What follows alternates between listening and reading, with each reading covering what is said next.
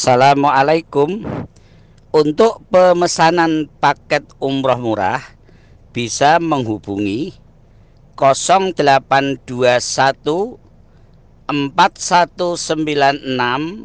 0857 Kami ulangi sekali lagi Untuk pemesanan paket umroh murah Bisa menghubungi 0821 4196 0857 Sekali lagi 0821 4196 0857 Terima kasih.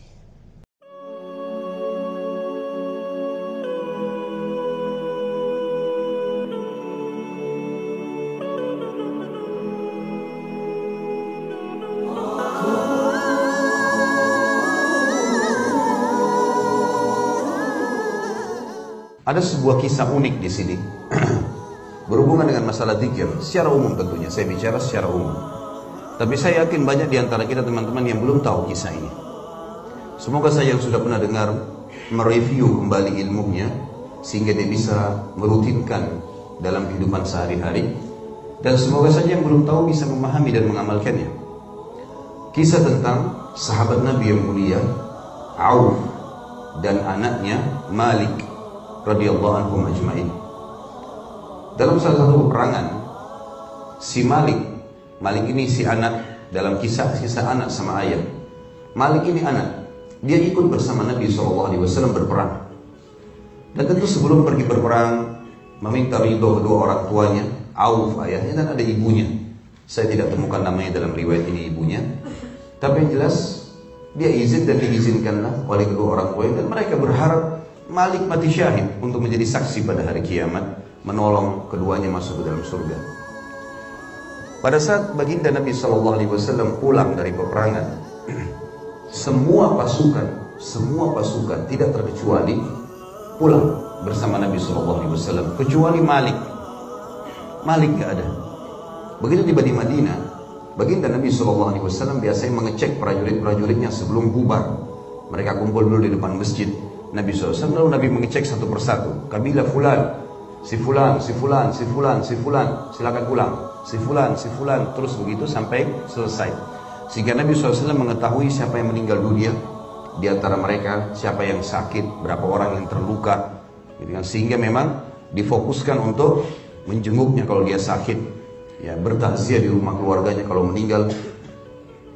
Maka ditemukan satu-satunya yang tidak ada adalah Malik maka Auf datang kepada Nabi SAW dan mengatakan, Ya Rasulullah, semuanya pasukan anda pulang ya Rasulullah. Tinggal Malik, anak saya. Beritahukan kepada saya agar saya bisa beritahukan kepada ibunya, istri saya, tentang keadaannya. Kalau Malik mati syahid, Alhamdulillah, itu yang kami harapkan. Tapi kalau Malik tidak mati syahid ya Rasulullah, beritahukan di mana dia. Apakah dia ditawan oleh musuh, apakah dia sakit di tengah jalan. Nabi SAW tunggu wahyu pada saat itu, menunggu wahyu. Seperti biasa, tradisi Nabi SAW tidak akan menjawab kecuali dari wahyu. Dan Allah pastikan dalam Al-Quran, A'udhu billahi minasyaitonir rajim wa ma yantiqu 'anil hawa in huwa illa wahyu yuha. Kalau Muhammad itu sallallahu alaihi wasallam tidak pernah mengucapkan sesuai dengan hawa nafsunya tapi dia mengucapkan sesuai dengan wahyu yang dipandukan kepadanya. Maka Nabi SAW mengucapkan kalimat yang mengatakan kepada Auf, Hai Auf, pulanglah dan aku wasiatkan kepadamu agar engkau dan istrimu mulai kamu pulang ke rumah sampai malam nanti mengucapkan la haula wala quwata illa billah. Zikir yang banyak orang tidak amalkan dalam hari ini. Zaman-zaman sekarang tidak ada yang amalkan bahkan mungkin. Padahal zikir ini sudah dikatakan oleh Nabi SAW dalam hadis yang lain, kanzul min kunuzil jannah, la hawla wa la quwata illa billah, adalah harta karunnya surga. Mungkin orang berpikir, harta karun surga, nanti di surga baru didapatkan. Lihat manfaatnya di dunia teman-teman sekalian. Amalkan resep ini bukan dari dokter manusia biasa, dari Nabi SAW, pimpinan seluruh manusia, pimpinan semua nabi-nabi, menerima wahyu dari sang pencipta Allah. Amalkan la haula wa la quwata illa billah, kamu dan istrimu. Auf tanpa banyak bertanya, pulang ke rumahnya, istrinya bertanya, wahai Auf, bagaimana kabarnya Malik? Mati syahid kan? Tertawan musuh kan? Hilang di jalan kan? Apa jawaban Nabi SAW? Kata Auf, Nabi SAW tidak menemukan dia. Tidak ada penjelasan dari wahyu apakah dia mati syahid, apakah dia tertawan, belum ada berita.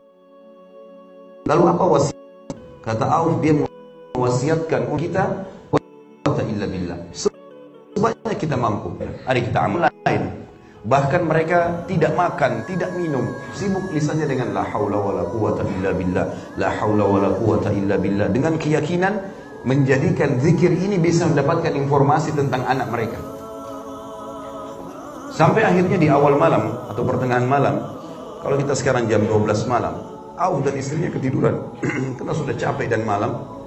Auf menceritakan tiba-tiba pada saat saya sama istri saya lagi lelap tidur, saya mendengar ada seseorang mengetuk pintu rumah di malam hari. Maka saya pun berdiri, kemudian saya membuka pintu dan saya temukan anak saya Malik di depan pintu. Membawa beberapa ekor kambing maka saya pun bertanya, hai anakku, apa ceritamu? Bagaimana ceritanya? Kata Malik, hai ayahku, demi Allah saya ditawan oleh musuh. Dan tangan serta kaki saya diikat dengan rantai-rantai yang besar.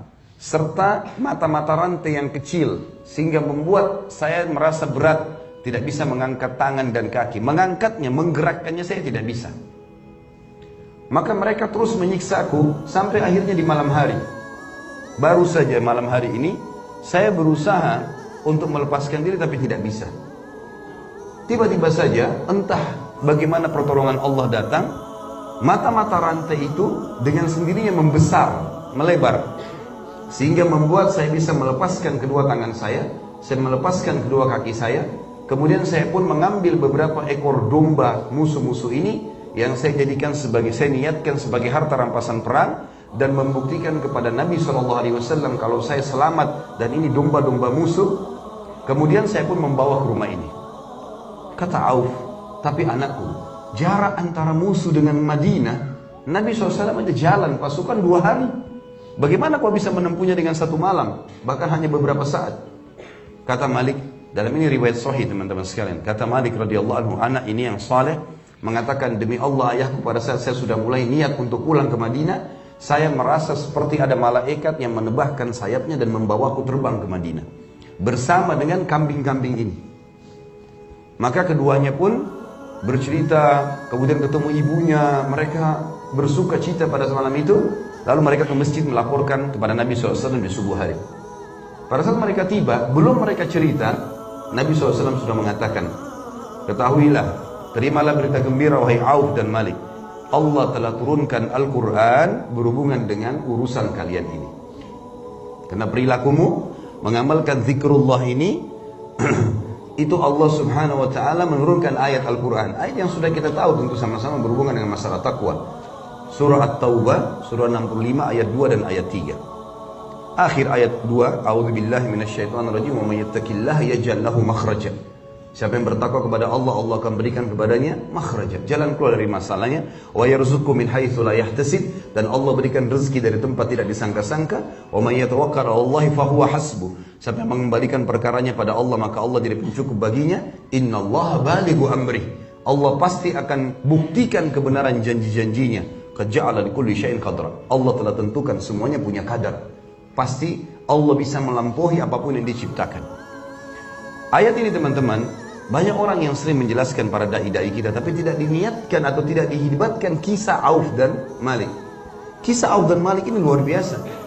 Jangankan jangankan untuk semua sekedar penyakit, jangankan hanya sekedar bangkrut usaha, jangankan cuma karena ada masalah rumah tangga, jangankan cuma karena masalah belum dapat kerjaan, belum dapat jodoh, ditawan oleh musuh, bisa rantainya terlepas, bisa dibawa oleh malaikat pulang lagi ke rumah orang tuanya. Dan perjalanan dua hari ditempuh dalam sekejap sampai ke Madinah. Dibawa oleh malaikat. Apalagi kalau cuma masalah-masalah kecil. Zikrullah. Coba baca.